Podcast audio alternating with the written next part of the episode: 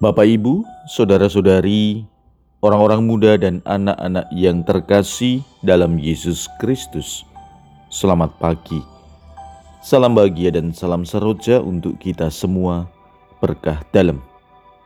Bersama dengan saya, Romo Antonius Garbito Pambuaji, menyampaikan salam dan berkat Allah yang Maha Kuasa, dalam nama Bapa dan Putra dan Roh Kudus. Amin. Hari ini Rabu 4 Agustus dalam hari biasa pekan biasa ke-18 bertepatan dengan peringatan wajib Santo Yohanes Maria Vianney Imam. Bacaan pertama dalam liturgi hari ini diambil dari kitab Bilangan bab 13 ayat 1 sampai dengan 2a, dilanjutkan 25 sampai dengan bab 14 ayat 1 ayat 26 sampai dengan 29 dan ayat 34 sampai dengan 35. Bacaan Injil diambil dari Injil Matius bab 15 ayat 21 sampai dengan 28. Pada suatu hari, Yesus menyingkir ke daerah Tirus dan Sidon. Maka datanglah seorang wanita Kanaan dari daerah itu dan berseru, Kasihanilah aku ya Tuhan, anak Daud. Anakku perempuan kerasukan setan dan sangat menderita. Tetapi Yesus sama sekali tidak menjawab. Lalu para murid Yesus datang dan meminta kepadanya, "Suruhlah wanita itu pergi, sebab ia mengikuti kita dengan berteriak-teriak." Jawab Yesus, "Aku diutusannya kepada domba-domba yang hilang dari umat Israel." Tetapi wanita itu mendekat dan menyembah dia sambil berkata, "Tuhan, tolonglah aku." Yesus menjawab, "Tidak patut mengambil roti yang disediakan bagi anak-anak dan melemparkannya kepada anjing." Kata wanita itu lagi, "Benar Tuhan, tetapi anjing-anjing pun makan remah-remah yang jatuh dari meja tuannya." Bersabdalah Yesus kepadanya, "Hai ibu, besar imanmu. Terjadilah bagimu seperti yang kau kehendaki." Dan seketika itu juga anaknya sembuh. Demikianlah sabda Tuhan. Terpujilah Kristus. Saudara-saudari yang terkasih dalam Yesus Kristus, hari ini gereja memperingati Santo Yohanes Maria Vianney, pelindung para imam. Kita mengenal dia sebagai pribadi yang sangat sederhana.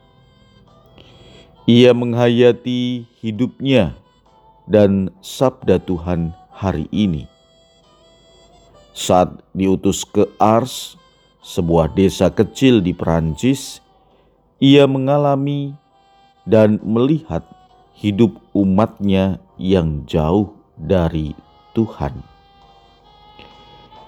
Mereka mabuk-mabukan, bekerja sepanjang hari pada hari Minggu, dan tidak pernah pergi ke gereja.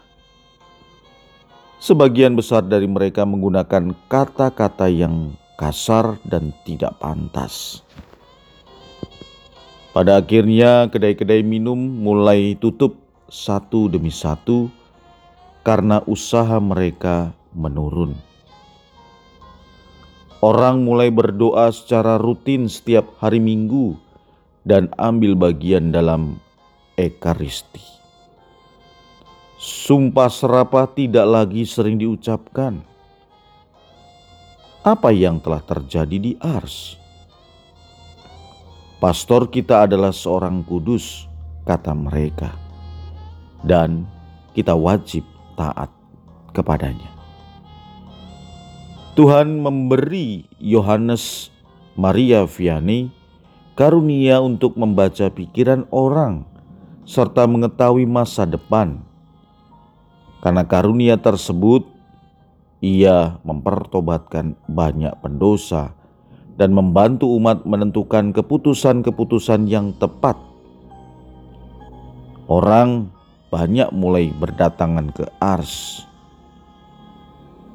Santo Yohanes Maria Vianney menggunakan hari-harinya untuk umat beriman. Saudara-saudari yang terkasih dalam Yesus Kristus, di mana ada kemauan, di situlah ada jalan.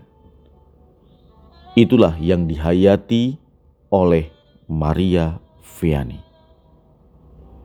Ada pepatah Jawa yang sering kali kita dengar, bahkan bisa jadi ini sering kita ucapkan karena kita menghayatinya. Gusti boten sari. Tuhan tidak tidur. Pepatah ini memberi keyakinan pasti bahwa Tuhan dapat menolong kita dalam situasi sulit sekalipun. Kita ingat permenungan tentang Yesus yang meredakan angin sakal di Danau Genesaret. Hari ini kita mendengar dalam Injil Yesus yang saat itu sedang menyingkir ke Tirus dan Sidon didatangi seorang perempuan Kanaan dari daerah itu dan berseru mohon pertolongan, mohon belas kasih. Tetapi kita melihat pada awalnya Yesus menolak. Apa yang bisa kita renungkan dari kisah Injil hari ini? Yang pertama, ia datang kepada Tuhan dan mengatakan, "Tuhan, Anak Daud." Suatu sebutan yang berarti Mesias. Kepadanya ia menceritakan pergumulannya anakku sakit. Yang kedua, ia tetap beriman, memohon, walau sepertinya Yesus sama sekali tidak memperdulikan teriakannya. Bahkan murid-muridnya pun minta kepada Yesus untuk mengusirnya karena nggak tahan mendengar teriakan perempuan ini bisa jadi kita membayangkannya mungkin berkali-kali dilakukannya sambil mengikuti mereka. Tentu menarik perhatian orang. Yang ketiga, sikap perempuan ini rendah hati karena menyadari siapa dirinya di hadapan Yesus.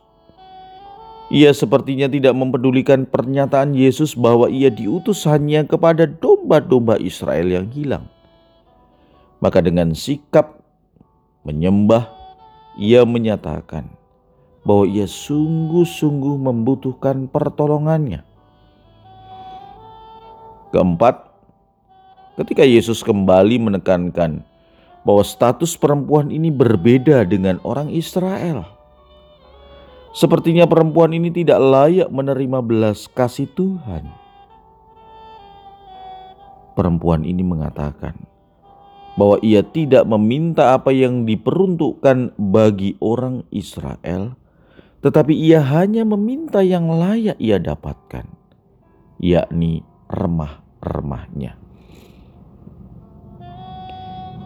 Di sini kita melihat Bagaimana iman perempuan ini karena ia tidak memaksakan kehendaknya, tetapi ia benar-benar memfokuskan permohonannya kepada belas kasih Tuhan. Ia tetap menganggap suatu anugerah bila ia pun hanya mendapatkan remah-remah, sesuatu yang tidak lagi dihargai orang lain. Saudara-saudari yang terkasih, marilah kita sungguh menghayati sabda Tuhan hari ini dalam kehidupan kita. Kita berusaha, namun kita tetap percaya, tidak memaksakan kehendak kita. Tuhanlah yang menentukan segala sesuatunya, karena kita yakin Ia pasti memberikan yang terbaik untuk kita, umatnya, yang percaya. Demikian juga Yohanes Maria Vianney yang kita peringati hari ini. Ia percaya bahwa Tuhan mampu mengubah segala sesuatu yang sulit. Termasuk hidup kita, ia mampu mengubah hidup kita dan dunia ini. Tentu menjadi lebih baik. Marilah kita berdoa. Tuhan Yesus kami datang menghadapmu dalam kelemahan kami, namun kami juga tahu bahwa kelemahan ini memberikan kepadamu kesempatan untuk berkarya dalam kehidupan kami. Tuhan, tolonglah kami agar kami dapat menjadi seperti perempuan kanaan itu dan menunjukkan karya agungmu dalam kehidupan kami dan di tengah dunia ini. Berkat Allah yang Maha Kuasa, dalam nama Bapa dan Putra dan Roh Kudus. Amin.